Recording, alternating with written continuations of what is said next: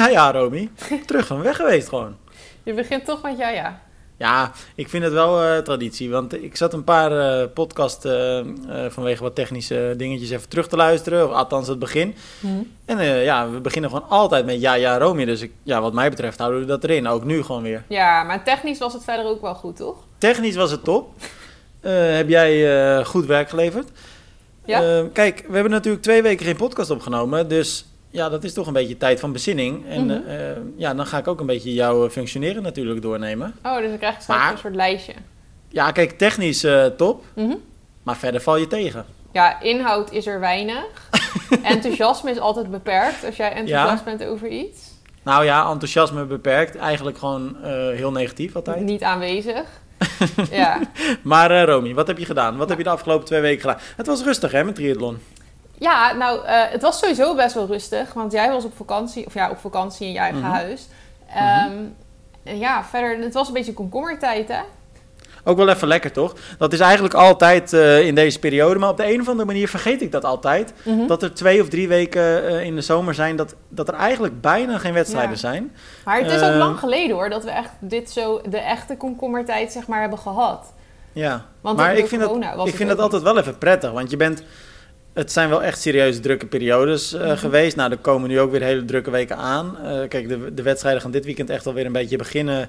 eh, en dat zal alleen maar toenemen de komende weken. Mhm. Dan vind ik het best wel lekker om even een paar weken, of ja, die twee, drie weekjes, iets minder triathlons aan je hoofd te hebben. Jij niet? Ja, dat vind ik ook wel. Ik vind het sowieso altijd wel ehm, lekker, ook als op een gegeven moment het zomerseizoen voorbij is en je hebt de winter, gewoon dat je even iets minder Mhm. erin zit. Niet alleen qua werk, maar ook omdat Evert dan gewoon iets minder de focus erop heeft natuurlijk, of een heel stuk minder.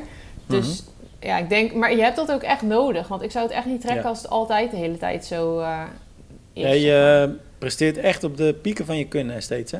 Ja, het is echt, ik hou het net vol. En dan na Challenge Almere, zeg maar, dan begin ik al zwakker te worden. Dan kan ik nog net dat naseizoen meedoen, maar dan is het wel klaar.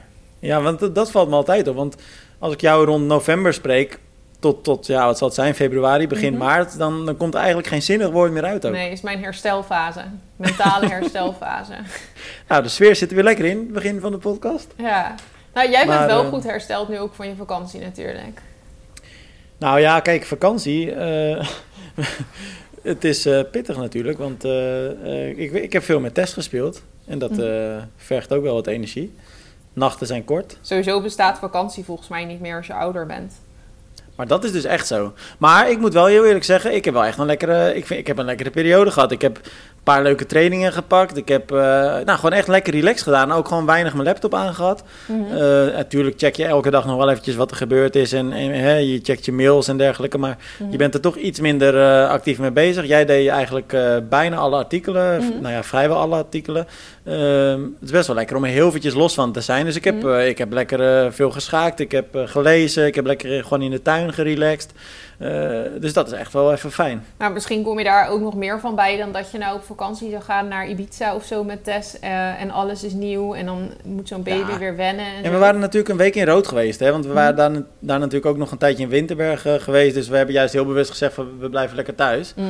Maar eh, dus ik, ik ben nou, en we, hebben, we hadden prachtig weer. Dus wat dat betreft, eigenlijk Ja. was het een beetje te warm zelfs. Nou, ik snap het hoor, want wij gingen toen na eh, Victoria Gasteiz, de Ironman, toen zouden we ook nog even in Spanje blijven. Maar toen hadden we het er ook wel weer meteen mee gehad. Zijn we ook lekker naar huis gegaan om hier Ja, maar dat is het echt. Je wil dan gewoon eigenlijk gewoon lekker naar huis. Want je bent, je bent moe en ja, dan is thuis toch vaak het lekkerst. Ja, vind ik ook wel. Lekker En saai. toen heb ik, eh, ik heb thuis natuurlijk nog eh, een week later al een 300 kilometer rit gedaan in mijn eentje. Mhm. Dus ja, dan, de dagen daarna was ik natuurlijk ook weer moe. En Ja, nee hoor, dus was, leuk eh, in was je prima. vakantie ook. Ja, ik vond dat wel leuk om te doen, maar hey, dat was wel zwaar ook. hoor. Maar het was ook 300 kilometer alleen. Ja, 300 kilometer alleen met een rugzak vol met drink op mijn rug. Dus dat was ook nog super zwaar. Het was gigantisch heet ook die dag. Maar het was wel vet. Ik ben echt vanuit Zeewolde eh, richting Den Helder gefietst. En dan via de kust eigenlijk eh, weer terug richting Alkmaar. En dan eh, ja, via het Gooimeer, of hoe heet het, het Markenmeer via Amsterdam eigenlijk weer terug. Dus Wat eh, ja, Maar, maar, waar- dat was ook wel een mooie vouw hoor. Want ik had dus op mijn rug had ik, eh, ik had heel veel eh, flesjes water en ook nog wat sportdrank en zo gekocht. Mhm. Ik dacht, nou, dat gooi ik allemaal in een rugzak. Maar toen kwam ik er dus de avond voor, de, voor die tocht, kwam ik erachter dat dat te zwaar was. Dus heb ik uiteindelijk dan de helft meegenomen. Ik geloof 6 liter of zo. Poh. En ik dacht, dan kom ik onderweg, kom ik gewoon ehm, eh, tankstations en zo tegen. Dan kan ik Mhm. daar altijd nog wel wat bijvullen. Maar nou, dus wat denk je? Ik rijd dus tot en met Den Helder. Ehm, nou, ik gebruik gewoon die flesjes op mijn rug, dus op eh, all good. Mhm. En ehm, op een gegeven moment waren die flesjes natuurlijk op. Ik denk na 180 kilometer of zo. Mhm. Ehm, en mijn bidons waren ook leeg. En echt uitgerekend vanaf dat moment kwam ik dus nergens meer tankstations tegen. Alleen nog maar supermarkten. En ook geen cafeetjes of, of restaurantjes of zo. Alleen maar supermarkten. Maar dat is natuurlijk super waardeloos. Want ik kan niet die supermarkt in en mijn fiets buiten laten staan. Nee, dat zou Ken je niet zo leuk vinden, denk ik. nee. nee, maar dat is, dat is echt een, eh, een lastig ding. Ja. Ehm, dus ik maar doorrijden, doorrijden. En ik ken het gebied ook niet zo heel goed. Dus ik wist ook niet per se van... nou, als ik hier nou even twee kilometer naar rechts rijd of zo... dan kom ik wel, eens, hè, dan kom ik Mhm. wel iets tegen. Dus ja, dat ga je ook niet doen. Irritant. Dus uiteindelijk... Wat zeg je? Dat is irritant, want dan zit je ook zo onrustig op de fiets de hele tijd. Nou ja, onrustig. En op een gegeven moment... Ja, dat klinkt misschien heel stom. Ik had zo'n dorst. En het, wa- Mhm. wat ik zei, het was echt 30 plus graden. Eh, op een gegeven moment was ik gewoon aan het overgeven... omdat ik zo'n dorst had.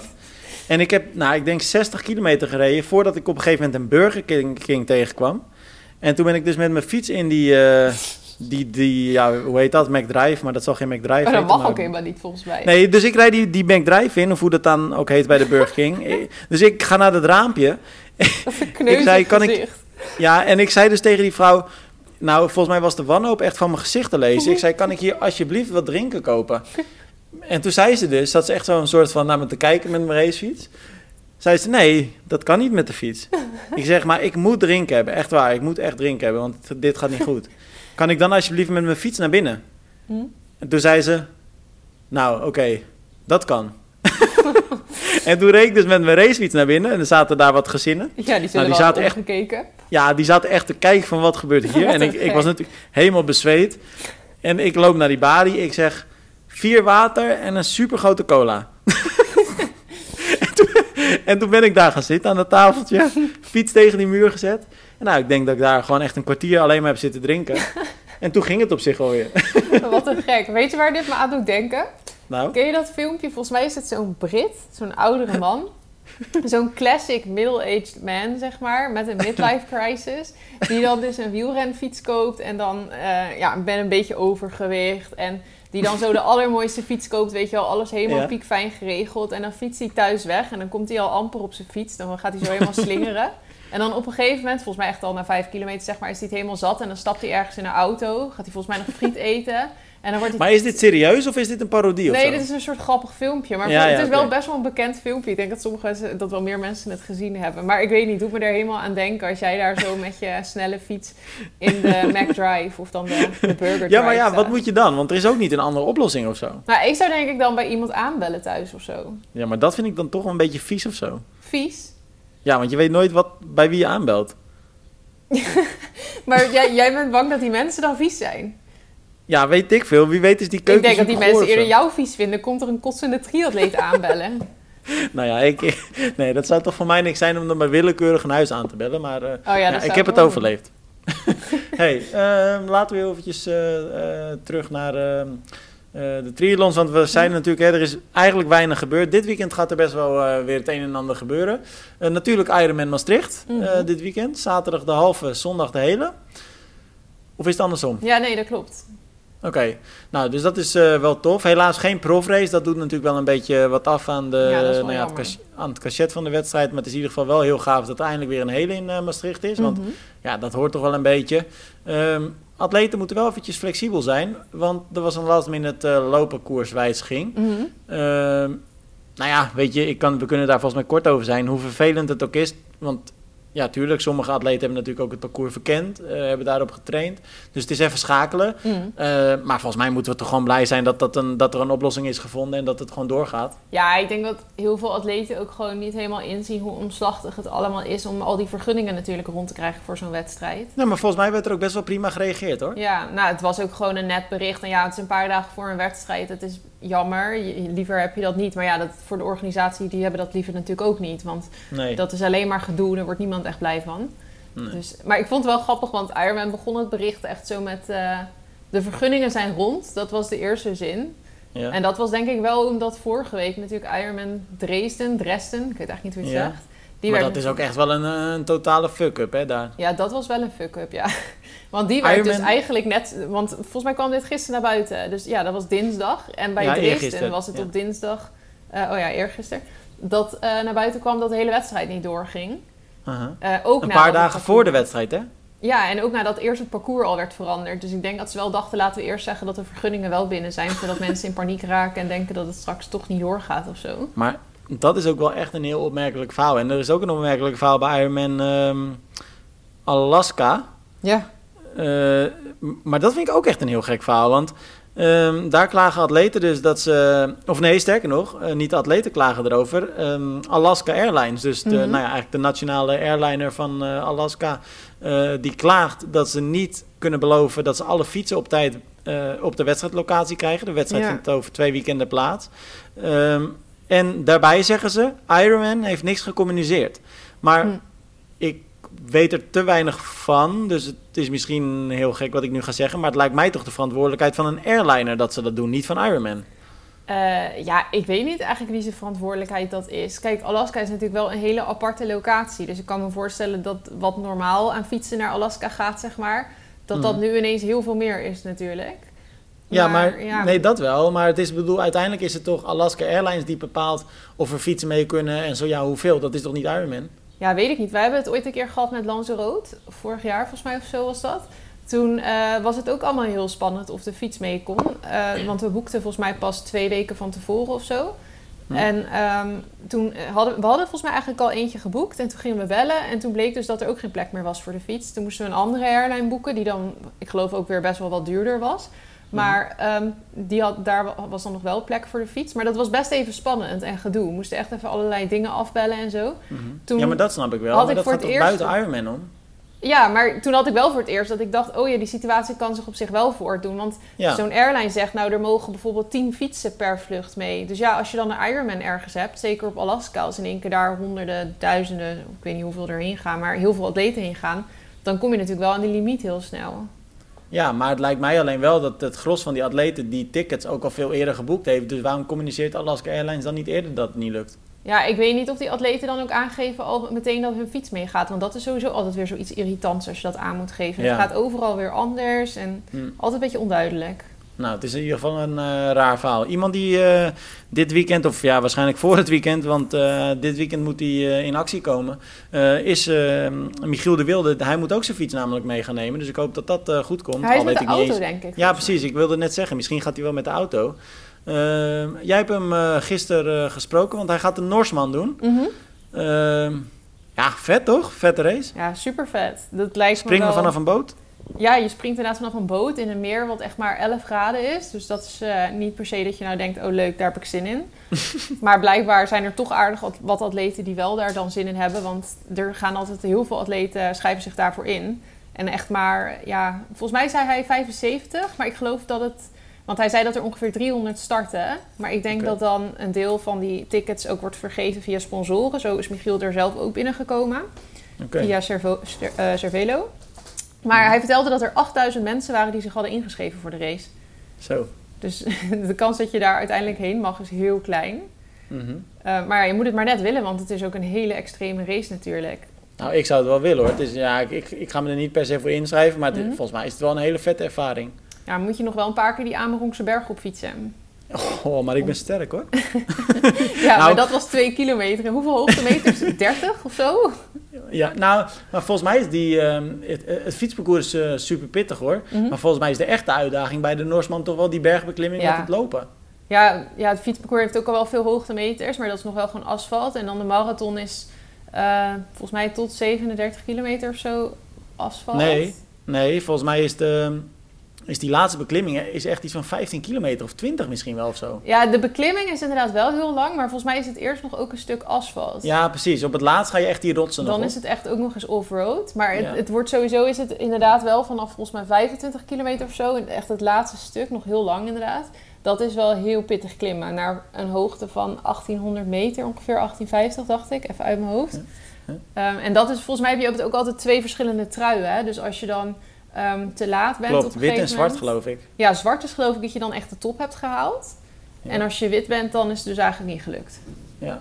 Maar er zijn dus 25... Nou ja, dan kom je inderdaad tot een eh, punt onder de top. Mhm. Eh, maar het is dus 2500 hoogtemeters met lopen. Dat, Ja. dat is gewoon krankzinnig. Over eh, 42 kilometer, ja. Dat, Dat is, is twee keer de Alpe d'Huez, hè?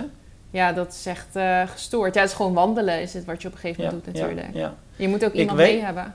Ja, ik weet nog dat ehm, ik in eh, heel lang geleden, nou nou ja, weet ik veel, tien jaar geleden of zo. Hm? ehm, als ik nu een jaartal eraan moet hangen, heb ik het idee dat het 2012 of 2013 is geweest. Toen sprak ik met Rijn Schuurman, die heeft toen ook de Norsman gedaan. En Hm. hij had toen ook inderdaad zo'n gids mee, dat was Charlo Visser. Hm. Eh, natuurlijk twee Al- Almeerse eh, goede atleten van een tijdje terug. En die deden toen ook mee. En die hadden ook ontzettend slecht weer. Want dat is volgens mij ook nog de grootste uitdaging daar. Hè? Ja. Dat weer dat kan echt omslaan in een minuut. Ja, en eh, Michiel vertelde al dat ze hebben nu echt een klassieke Noorsman-editie, zeg maar. Want de afgelopen edities, ik weet niet wanneer het precies geweest is of het vorig jaar is geweest, maar de afgelopen keren was het iedere keer eh, was er een ehm, hittegolf in Mhm. Europa. ehm, waardoor het eigenlijk bij, bij de Noorsman ook nog wel iets van 20 graden was. Dus eigenlijk niet eens heel extreem. Maar nu Nee. eh, ligt het op het, boven op de berg, waar je dus finish, ligt het rond het vriespunt. Of misschien zelfs dat het uiteindelijk vriest op de dag zelf. En eh, verder temperaturen van 14 graden bij het water, geloof ik. Na het water dus 11 graden. 4 à 5 graden waar je fietst. Dus dat is gewoon echt handschoenen aan en zo. En ja, Michiel zei ook al, wordt het ook best wel lastig om je voeding goed te doen. Want je hebt natuurlijk helemaal niet echt het gevoel dat je honger hebt als je Mhm. in dat soort temperaturen race. En ook geen dorst. Ja, ja. Dus dat Nou, is ik, uitdaging. Ik eh, zit er nog eventjes over na te denken. Want volgens mij heeft Dan een Boterenbrood die wedstrijd ook nog gewonnen bij de Mhm. amateurs. Ja, dat was toen nog zo'n hele rel, weet je nog? Ja, want dat was toen, daar had je een profrace en een amateurrace of zo, Ja, toch? er was toen een soort van extra of zo, zo'n wereldeditie ding. Een soort Ja. van exterra-achtig iets of zo, Ja, maar dan anders. die Ehm, won Lucy Gossett. Ik heb het even Oh ja, ja, hè. klopt. Ja. En Ja. zij won toen dan de originele Noorsman, zeg maar. Op de website stond ze toen ook als Noorsman winnares. En dat hadden wij toen ook zo gezegd. Maar dan kregen we aardig wat commentaar. Ja. Of Nou, Tessa Dan een eigenlijk. Boterenbrood is ook geen Of fan van Tessa. triathlon meer, hè? Is dat zo? Ja. Wat dan? Ze plaatst soms eh, hele opmerkelijke reacties. Is dat zo? ja. Ik ben het alweer Ik weet niet, vergeten dan, denk ik. Wat dan? ja, dat was laatst. Oh. Ik moest er wel om lachen, die reacties eigenlijk. oh. Ik, weet eigenlijk niet meer eens, ik weet eigenlijk niet eens meer waar het over ging. Weet zeker dat dat dan een boterhambrood is? 100 procent. Oh. Ik, ik heb ook geen idee. Ik kan me helemaal niet herinneren. Volgens mij was dat over het artikel van Jordi Meulenberg. Oh. Er was wat verwarring. eh, want het artikel stond op twee websites, op Triathlon en Triathlon Today. Ja. Ehm, en ik geloof dat Danne Boterenbrood ons toen kwalijk nam dat we onszelf als een bron citeerden. Oh. Wat totaal niet, aan de, eh, totaal niet speelde. Eh, en eh, daar had ze een, een hele opmerkelijke reactie onder geplaatst. Ik dacht dat zij altijd wel een beetje stil was en zo. Ik had niet door dat zij ook zo iemand was. Ja, een beetje wereldvreemd. Ik heb zeg maar zo'n categorie mensen die dan op Facebook reageren, negatief. Nee. En ik had haar niet per se in die categorieën geschaald, maar blijkbaar wel. Nee, dan. dus we hebben, het, we hebben het echt bond gemaakt eigenlijk. Oh, nou, wat stom van ons. Ja, hey, ehm, Terwijl we haar toen eh, nog als winnaar dus hebben genoemd. Ja, nou, dat, ik ga het artikel gelijk offline halen. Ik ga het offline halen. Ja, haal dat artikel nu nog maar offline inderdaad. Zeg maar Hey, Lucy eh, Gossage. Maar ehm, tof dat eh, Michiel de Wilde meedoet. ehm, eh, Ja, dus wat ik dus wel eh, grappig vond nog trouwens. Want hij zei dus van dat dat zo'n race is die heel veel mensen doen zo voor hun of als pensioensrace, weet je wel. Mhm. Dan, eh, volgens mij Kienle had het er ook over dat hij allemaal gekke races wilde gaan doen. Dus ik zie Kienle bijvoorbeeld dat volgend jaar dan ook nog wel Ah, doen. ja. Maar hij kiest er dus wel voor om hem nu al eh, te doen terwijl hij nog fit is, zeg maar. En bewust Maar- ook niet als hij al aftakelt. Maar dat vind ik ook het mooie, heel eerlijk. Want Mhm. het is grappig dat je dat zegt. Ehm, vol- volgens mij doet Michiel de Wilde eh, best wel vaak dingen die hij gewoon ook leuk vindt om te doen. Want ik herinner me nog, dat is volgens mij ook nou, twee of misschien ook al wel drie jaar geleden. Toen heeft volgens mij Michiel de Wilde, oh, of eh, zeker weten Michiel de Wilde, en volgens mij was het ook 300 kilometer of Oh ja, naar Engeland. 350 toch? kilometer of zo heeft hij inderdaad naar Engeland gefietst en terug of zo. Ik weet niet precies Ja, wat met hij de toen pont deed. of zo. Toen ging hij daar een rondje doen, geloof ik, of zo. Ja, maar daar had hij in ieder geval een enorme fietstocht eh, eh, gereden. En dat was ook geloof ik een beetje, dat vond Rick van Tricht, de bondscoach, van de lange afstand niet per se heel leuk. Want die had er ook een reactie onder geplaatst waarin hij zijn ongenoegen uitsprak. Ja. Ehm, maar dat vind ik wel leuk hoor. Ik vind het wel goed dat, dat zo iemand dan toch gewoon lekker doet wat hij wil of zo. Nou, ik geloof ook eigenlijk best wel dat zo'n rit van 300 kilometer, het slapen op een boot, ja, dat is misschien Eh, niet per se ideaal, want dan word je wel weer heel moe daarvan, want je slaapt waarschijnlijk niet goed. Maar aan de andere kant is het denk ik best wel goed om zo'n lange rit eens een keer gewoon in je trainingen op te nemen. Ja, en los daarvan, het is toch ook wel eens gewoon goed om iets te doen wat gewoon leuk is. En niet Ja. per se bijdraagt aan Als eh, het je motiveert, ja, Ja, dan kun je, ja, waarom dan niet? Nee. Nou, tof dat hij, eh, tof dat hij dit gaat doen. Ehm, Weet je wat ik ook tof vond? Mhm. Geen Ehm, idee. Merk je trouwens dat die bruggetjes, die zitten er nog in, hè? Ja, gaat wel goed, gaat soepel. Gaat goed. Ja, dat is leuk.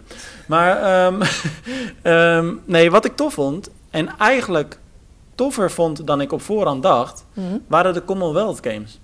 Ja, en dan heb ik het over de triathlon, want ik moet heel eerlijk zeggen, ik heb de rest eh, niet gekeken. nee, ik ook niet. Maar het was leuk, want Mhm. de triathlons waren echt Spannend. spannend. Nou, ik weet niet of de mixed relay, die was volgens mij niet zo heel spannend, want Nee. die heb jij gekeken. Nee, die was dan weer een beetje saai. Maar ik zag inderdaad dat de individuele mannen- en vrouwenrace... dat die wel... eh, Ja, eigenlijk volgens mij in allebei die races waren er twee... die gewoon heel erg aan elkaar gewaagd waren, toch? Ja, en ik zit heel eventjes te kijken, want ik moet heel eerlijk zeggen, toen ik, kijk, de Commonwealth Games, ik, ik kende het wel, ik wist, hè, ik wist van het bestaan, Mhm. maar ik wist niet zo heel goed wat het nou eigenlijk precies was. Mhm. Ehm, dus ik had het ook eventjes opgezocht en het is een multisport event dat elke vier jaar wordt gehouden Mhm. en waar, waaraan de lidstaten van, hou je vast, het gemene best van naties mee kunnen doen. En Mhm. tot de aan een van hen behorende overzeese gebiedsdelen. Ja. Ehm, maar het is gigantisch, hè? Want het, Mhm. er zijn 4500 tot 5000 atleten die meedoen ieder jaar, of eh, iedere vier jaar. Mhm. En daarmee is het dus na de Olympische Zomerspelen ehm, het grootste sportevent ter wereld, eh, op basis van eh, deelnemers. Mhm. Nou ja, en er zijn dus allerlei sporten. Het is eigenlijk gewoon een soort Olympische Spelen, zo zou je het eigenlijk kunnen zeggen. Mhm. Ehm, en die triathlon, ehm, kijk, er ontbraken natuurlijk een eh, aantal favorieten, omdat die gewoon niet mee mogen doen. Mhm. Ehm, maar bij de mannen, en dat was de eerste wedstrijd, krankzinnig spannend. Wedstrijd tussen Alex Yee eigenlijk en Hayden Wild. Ehm, Hayden Wild die eh, ging er vandoor op de fiets, samen met ehm, een groepje van twee, Jamie Riddle en Taylor Reid. Mhm. Ehm, maar tijdens het lopen ehm, had hij een voorsprong van, nou wat zal het zijn, een seconde of 20, 30. Ehm, en was het Alex die de achtervolging inzette. En het was een sprint, dus het was een korte wedstrijd. Dus eh, hij had er ook maar 5 kilometer voor om dat, om dat eh, goed te maken. Mhm. Maar hij kwam meter per meter dichterbij. En uiteindelijk liepen ze dus zij aan zij. Mhm. Ja, en dat was jammer, want toen moest Hayden wel nog een penalty uitzitten. Ja, maar Ehm, ik denk dat Alex G is ook wel gewoon de sterkere van die twee, toch? Ja, je weet het niet. Kijk, je, ik, ik zou inderdaad zeggen van wel. Maar je, kijk, als het een sprint wordt, je weet het nooit natuurlijk. Ja, in de mixed relay eh, eh, liet Alex wel zien dat hij eh, sterker was. Toen ging hij Ja. er ook nog wel hard vandoor. Maar goed, dat was een andere race. Misschien ook een beetje vermoeidheid toen nog van de race van vrijdag. Mhm. Maar eh, nee, maar het is wel tof, want inderdaad, er doen heel veel landen ook niet mee. De Noren zijn er natuurlijk niet, eh, Amerika is er niet. Nou, zo zijn er heel veel landen niet. Maar, ehm, Nederland niet. Ja, Nederland niet. maar dan, ma- ondanks dat er dus veel landen niet waren, waren er ook echt nog wel hele goede atleten die gewoon super aan elkaar gewaagd waren. Dus Ja. eh, gewoon toffe races. En die, Nou, en het was, het was ook gewoon leuk in beeld gebracht, want het was Mhm. helemaal live op, eh, ja, op de BBC. Eh, dus live op tv. Het was echt goed commentaar. Eh, dat is ook wel eens anders eh, Mhm. als je in Nederland triathlons kijkt. Ehm, dus dat was gewoon echt spannend. En eh, nou, bij de vrouwen eigenlijk precies hetzelfde. Ehm, eh, ja, nou ja, weet je, we kunnen ook volgens mij kort over zijn. Flora Duffy, Mhm. daar staat gewoon echt geen maat op, joh. Nee, bizar. Ja, die is wel is- echt ubersterk. Maar zij, zij wint echt tegenwoordig alles wat er te winnen valt. Mhm. Nou, ze heeft dit jaar natuurlijk ook nog wel een paar wedstrijden gehad die net even wat minder gingen. Ik weet nou niet precies welke dat waren uit mijn hoofd zo. Maar dat, Ja, maar alle grote belangrijke wedstrijden pakt ze ja, gewoon. maar dat vind ik dus ook wel tof. Want het lijkt ook dat zij echt uitzoekt van dan moet ik sterk zijn. En dan lukt het er vervolgens ook. En Ja. ze laat zich ook niet tegenhouden blijkbaar als ze niet helemaal topfit is af en toe om ook een race te starten. Nee. En zoals ik dus zei, hè, want dit was dus een, eh, een sprint. Maar zij is 34, hè? Ja. Dus Ja. zij heeft gewoon nog op haar leeftijd, en dat, ja, we kunnen best zeggen dat dat oud is Mhm. voor, hè, voor topsport. Oh, althans, voor deze afstand. Ja. Ehm, zij, zij wint dus een sprint. Dat Ja. is Ja, bizar. Zij heeft zo'n toewijding gewoon. Dat, eh, al die, dat heb ik wel eens vaker gezegd, maar zij heeft jarenlang ook heel veel blessures gehad. Maar dat zij altijd zo is eh, door blijven gaan en achter die droom aan is blijven gaan. eh, en het vervolgens ook waarmaakt in Tokio dan vorig jaar. Dat is wel heel bijzonder. Ja, vet. Ja. Nou, iemand die ook de droom aan het najagen is en dat ook echt meer dan succesvol doet. En ik vind het echt heel erg vet. Shirin van Androy. Mhm.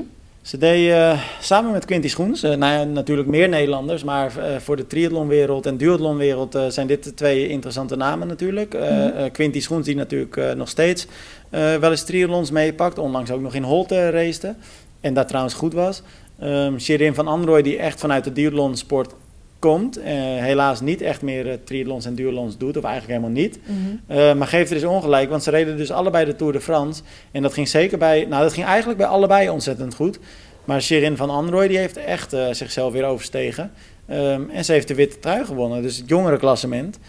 overal ook nog vier, veertiende, hè? dus dat is Mhm. echt goed. Ja, heel bijzonder. Dat is echt heel, heel gaaf dat zij, dat zij daar nu gewoon zo staat op dat podium. Ja, we, we zeiden het al aan het begin van de tour, van die kan nog wel eens eh, etappes winnen en zo.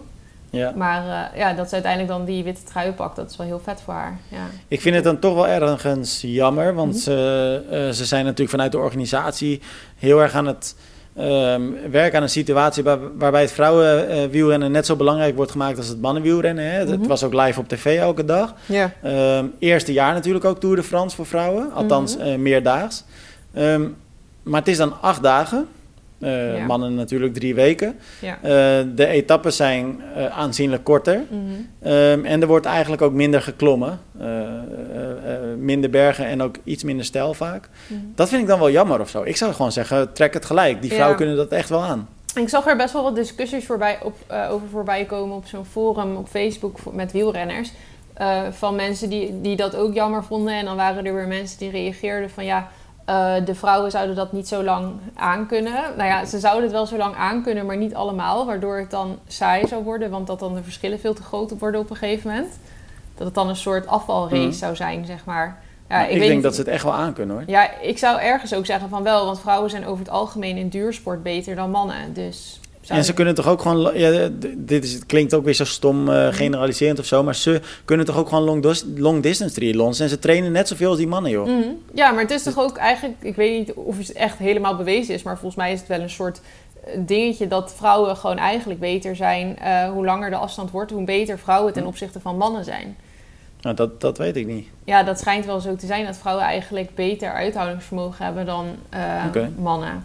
Hm. Dus ja, maar ja, je hoort ook wel dat de verschillen in het klassement, zeg maar, als dan zo'n Annemiek van Vleuten, die is zoveel sterker. Als op een gegeven moment die verschillen natuurlijk echt heel groot worden, dan wordt het misschien ook een beetje saai om naar te kijken. Ja, dat is, dat is ook misschien wel zo. Alleen volgens mij kun je dus nooit een sport even populair maken als de mannensport, als je het niet Als je hetzelfde versie, maakt ja. of zo.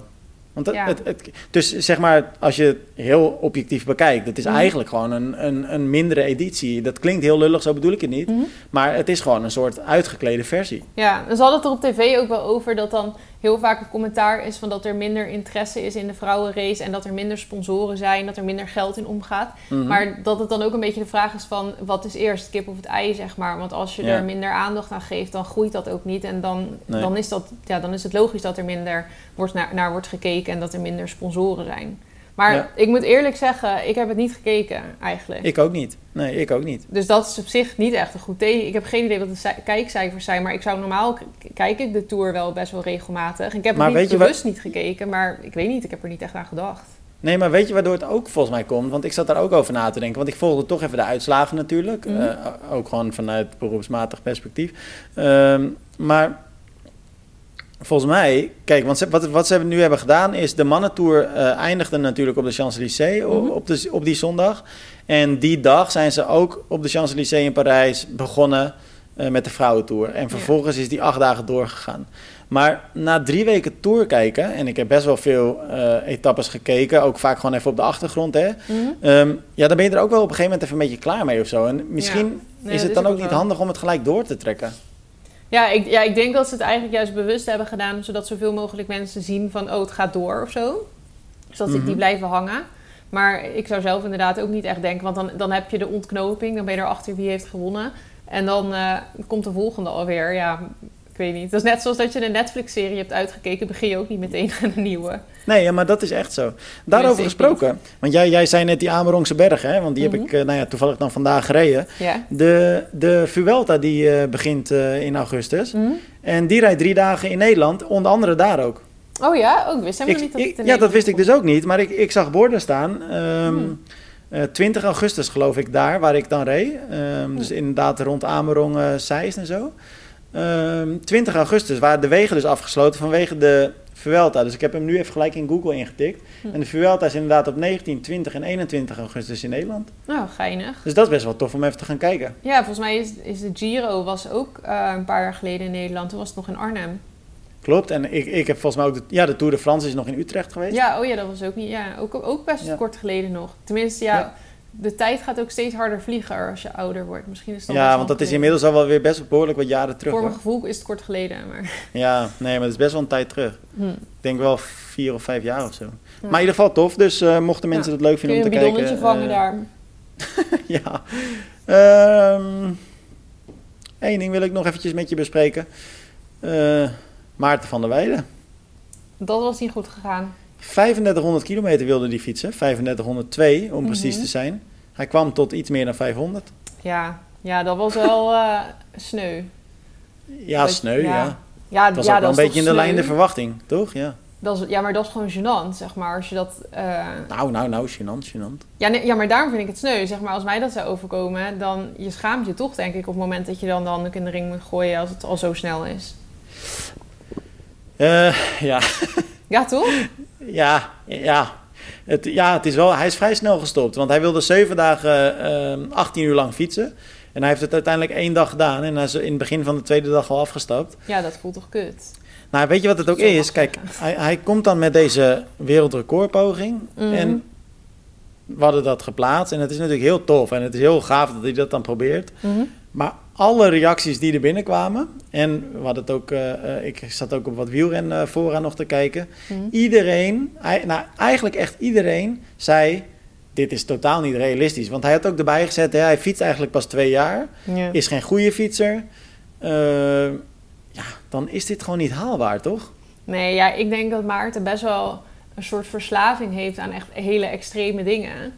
En dat daar, daaruit dit soort dingen dan ontstaan, zeg maar. En ja, aan de andere kant kun je ook wel weer zeggen dat het tof is dat als het doel niet realistisch is, dat hij alsnog er zo voor gaat. Maar ja, dat je dan heel vroeg al uit moet stappen met zadelpijn, zeg maar, dat is natuurlijk wel echt heel zuur. En Ja, ja, ja, gênant.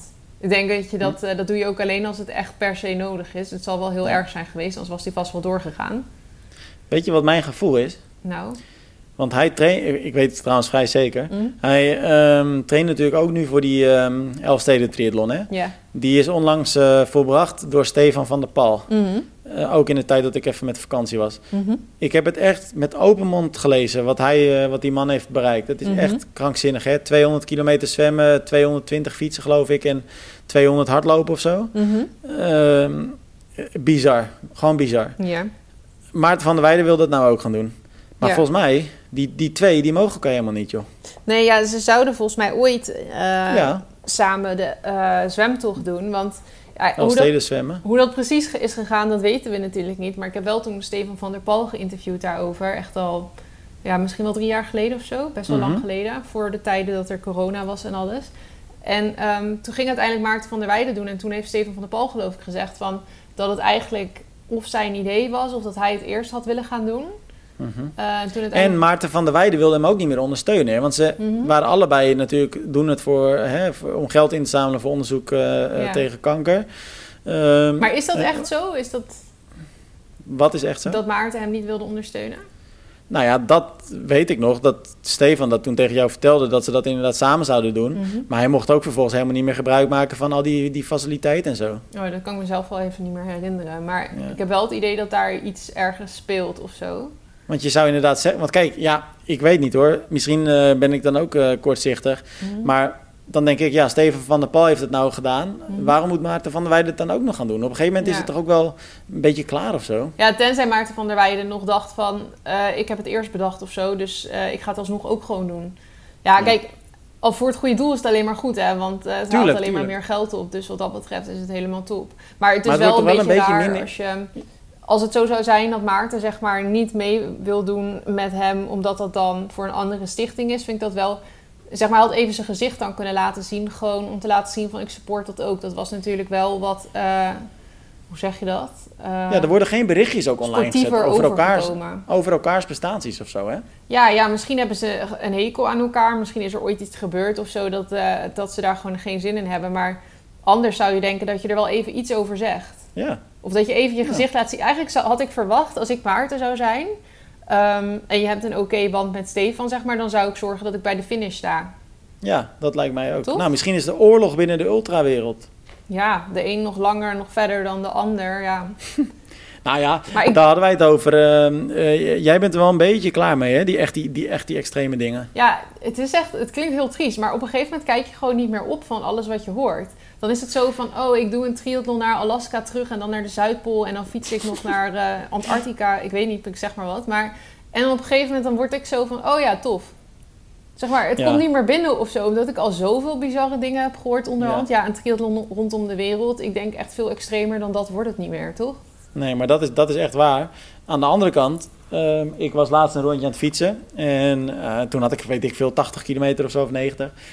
En uh, toen dacht ik wel bij mezelf, oké, maar stel dat je er dus nog 3410 moet. Hmm.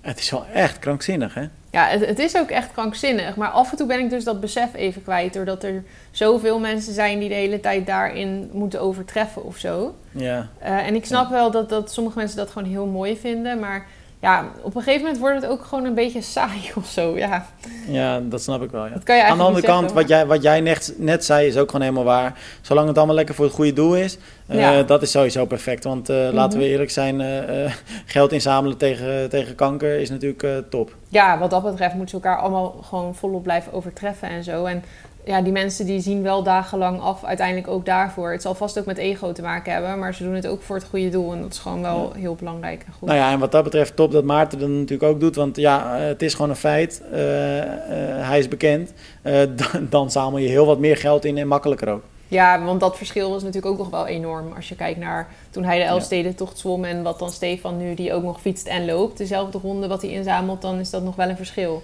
Al ja, blijft het bedrag wel... natuurlijk ook prachtig wat Stefan heeft opgehaald.